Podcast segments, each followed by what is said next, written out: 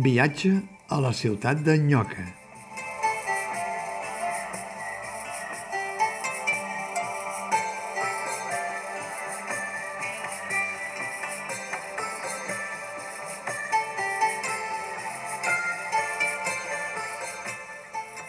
Tothom sap com és de complex i arriscat adaptar una novel·la al llenguatge teatral. Però l'adaptació de Carrers Robadors, o Rui de Volers, de l'escriptor Matías Enar, reconegut amb el concurs el 2015 per Bussol i autor de diverses novel·les traduïdes al català i establert a Barcelona des de fa 20 anys, on exerceix de professor d'àrab a la Universitat Autònoma, sembla que sigui una excepció, perquè la trama de la versió teatral manté el ritme trepidant que ja es desprèn de l'estil de l'original literari i, en alguns moments, sembla que la companyia hagi pitjat el play d'un e-book amb la veu del narrador que va fent la feina que hauria de fer el lector. El narrador aquí és el mateix protagonista de l'obra, el personatge d'un adolescent magribí, en l'Agdar, interpretat per l'actor Guillem Balart, un dels tres nominats a revelació dels últims premis de la Crítica de les Arts Escèniques de Barcelona, que explica en primera persona la seva aventura a la recerca d'una vida millor en un viatge que té tres elements molt aprofitats i molt apreciats per la literatura. Un viatge iniciàtic, una aventura personal i una aproximació al gènere de la novel·la negra. Matías Enar es va establir a Barcelona l'any 2000 després de tombar per la Seca i la Meca. Va viure durant un parell d'anys en un pis del carrer d'en Robador, al cor del Bellxino, un carrer que té tant de mediàtic com d'estigmatitzat i que la veu popular ha economitzat toponímicament, convertint-lo en plural, robadors. En aquesta novel·la, Matías Enar va més enllà de la simple especulació literària i, partint de testimonis autèntics i de fets socials en temps real, estableix una relació entre la travessia infernal del jove Lakhdar, des de Tànger, a Marrakeix o Barcelona, i el seu lligam inconscient amb les revoltes de l'anomenada Primavera Àrab del 2010 i el moviment del 15M, anomenat així perquè va tenir el seu origen en les manifestacions dels indignats del 15 de maig del 2011. La força del personatge de l'Agdar no és que sigui un dels molts herois que es juguen la vida en una pastera, sinó que es veu pes a fugir de casa de Tànger per una relació prohibida amb una cosina, la Màriam. El recorregut del viatge de l'Agdar retrata les penúries del refugiat,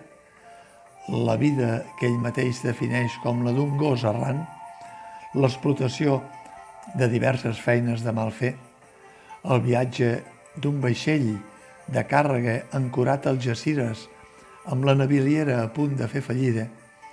i la captació sota el xantatge de l'ajuda d'un grupuscle islamista el qual empeny el seu millor amic de carrer. La història que explica Matías Enar té un fil vermell ocult de tragèdia que va burxant l'espectador per la seva duresa. Els que hagin llegit la novel·la, per cert, reeditada ara per l'editorial Columna del grup 62, ja coneixen aquest fil vermell. Els que no ho han fet el descobriran en aquesta adaptació a sis mans elaborada per tres punters del teatre actual, Julio Manrique,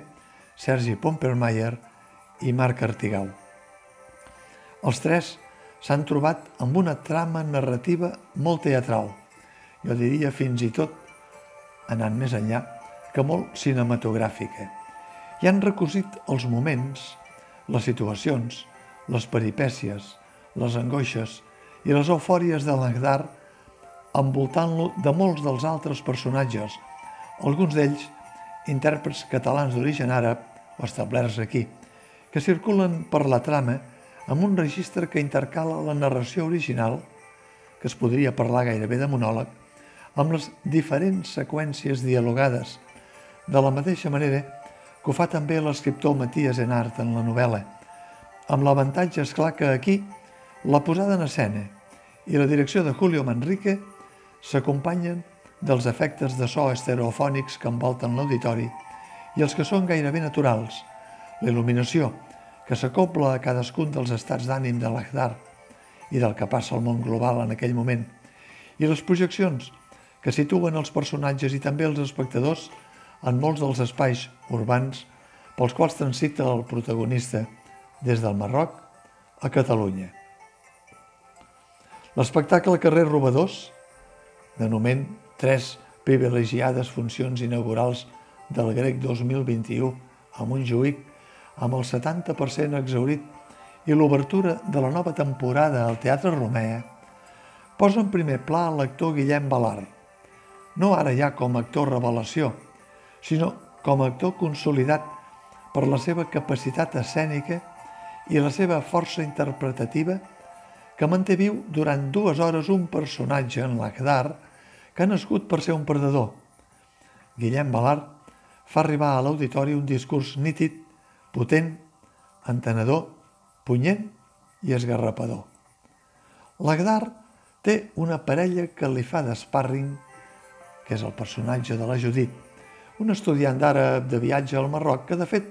és l'am que acabarà portant la Gedart a Barcelona i que interpreta una altra actriu ja també consolidada de l'escena actual, Elisabet Casanovas. En certa manera, un personatge coprotagonista de Carrer Robadors que es guarda a la motxilla de viatge un dels trets més inesperats de la trama. I encara un altre sparring que acompanya l'Agdar des del primer moment, el seu amic del barri de Tànger, Bassam, l'actor Moa Moasian, el personatge que evoluciona més de tots els de la trama i que és en part el detonant de la tragèdia que acabarà envoltant l'Agdar. La resta del repartiment alterna diversos papers. L'actriu Anna Castells, que és la cosina de Tànger, Màriam, o l'amiga viatgera de Judit, Helena, l'encarregada d'una pensió de mala mort o una de les ofegades anònimes a l'estret. Ayub el Hilali, Mohamed el Buhali i Abdelatif Ifdar són els imams,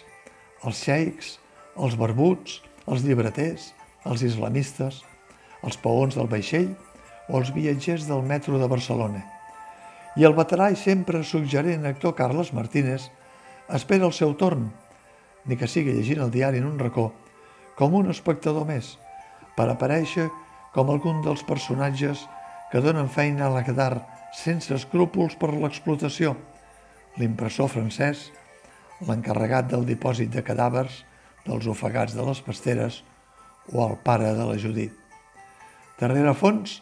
la passió de l'Agdar per la novel·la policíaca, el miratge del món imaginat, la Marsella de Tànger,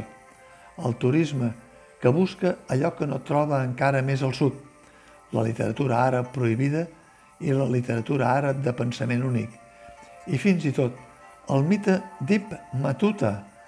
el viatger del segle XIV, que quan tenia 21 anys va abandonar també Tànger per viatjar per mig món abans que el món fos rodó. Com ho fa l'Agdar d'adolescent, tot i que ell ja sap ara que el món sí que és rodó, tan rodó com la trama de carrer robadors, que s'obre i es tanca en circular, quan proclama d'entrada els homes són com els gossos, es refreguen els uns contra els altres en la misèria, es revolquen per la brutícia sense poder sortir-ne. I quan acaba continuant proclamant de sortida, els homes són gossos amb la mirada buida, donen voltes a l'empenombra, corren darrere d'una femella, es barallen per una femella, per un racó de la caseta, corren darrere de la pilota, s'estan ajaguts durant hores amb la llengua penjant fora de la boca, esperant que algú els liquidi amb una última calícia.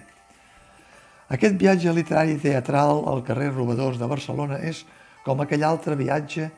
a l'anomenada ciutat de Nyoca, aquella ciutat amagada i oblidada de barraques a la falda de Montjuïc, on el plat de sopa i d'orrals al dia mantenien milers de persones víctimes de la febre groga de mitjan segle XIX. La mateixa ciutat de Nyoca que avui amaga encara en guetos els nous immigrants. La mateixa ciutat de Nyoca que el lacdar de l'obra Carrer Robadors troba al final de la seva travessia. La mateixa ciutat de Nyoca que esberla el miratge que els joves Lacdar i Bassam tenien des del turó del mar de Tànger, allà on acabava Àfrica i començava Europa.